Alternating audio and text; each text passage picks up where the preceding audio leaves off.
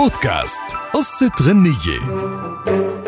قصة غنية لليوم عن وحدة من أجمل أغاني العندليب الأسمر عبد الحليم حافظ. أكيد يبدع نجوم الطرب وخاصة بالعديد من الأغاني اللي عشقها الجمهور وعاشت لأجيال طويلة ورددوها دايما حتى أنه مر عليها سنوات طويلة. وكان من أهم المطربين اللي عاشت أغانيهم ورح تعيش العندليب الأسمر عبد الحليم حافظ اللي قدم وحدة من أجمل أغنياته بعنوان على قد الشوق اللي بعيوني يا جميل سلم واللي غناها ببداياته ورغم هيك بقيت حتى آخر أيامه تنطلب منه بكل حفلة. وقال العندليب الأسمر إنه أروع الأغاني اللي بتولد بسبب الحب ولكن إنه تضل الأغنية وتوصل إلى ذروة جمالها وقت اللي بيكون موضوعها وسببها حب فاشل. وهالشي هو السبب المباشر لأغنية على قد الشوق. وأوضح عبد الحليم بأحد لقاءاته إنه أغنية على قد الشوق ولدت بسبب حب فاشل لصديقه الملحن كمال الطويل لإحدى جميلات الإسكندرية.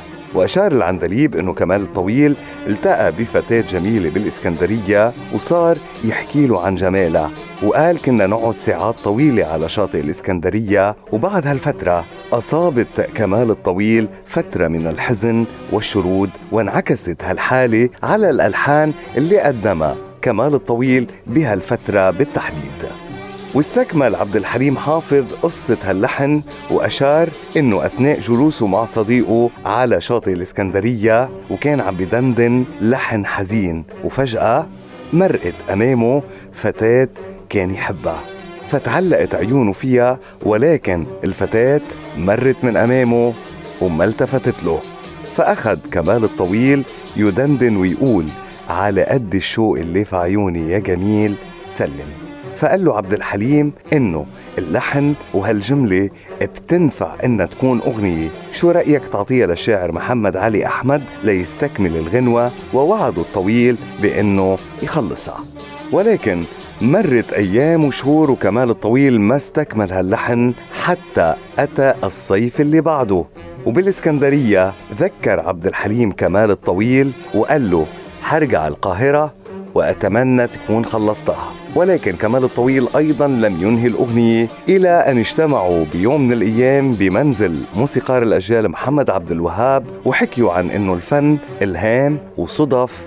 أحيانا كتير بتخلق أغاني وتذكر بهالوقت كمال الطويل لحن على قد الشوق وبالفعل أمسك العود وأنهى الأغنية. وأعجب جميع الحاضرين فيها وغنيها عبد الحليم فكانت من أنجح أغنياته على الإطلاق. على قد الشوق اللي في عيوني يا جميل سلم. سلم. أنا يا ما عيوني عليك سألوني ويا ما بتسأل. بودكاست قصة غنية.